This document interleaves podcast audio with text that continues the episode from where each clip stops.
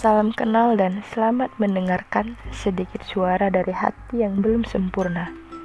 Minuman dan zodiak yang menjadi perpaduan dari sifat serta bentuk cairan yang memadukan rasa manis, bukan pahit.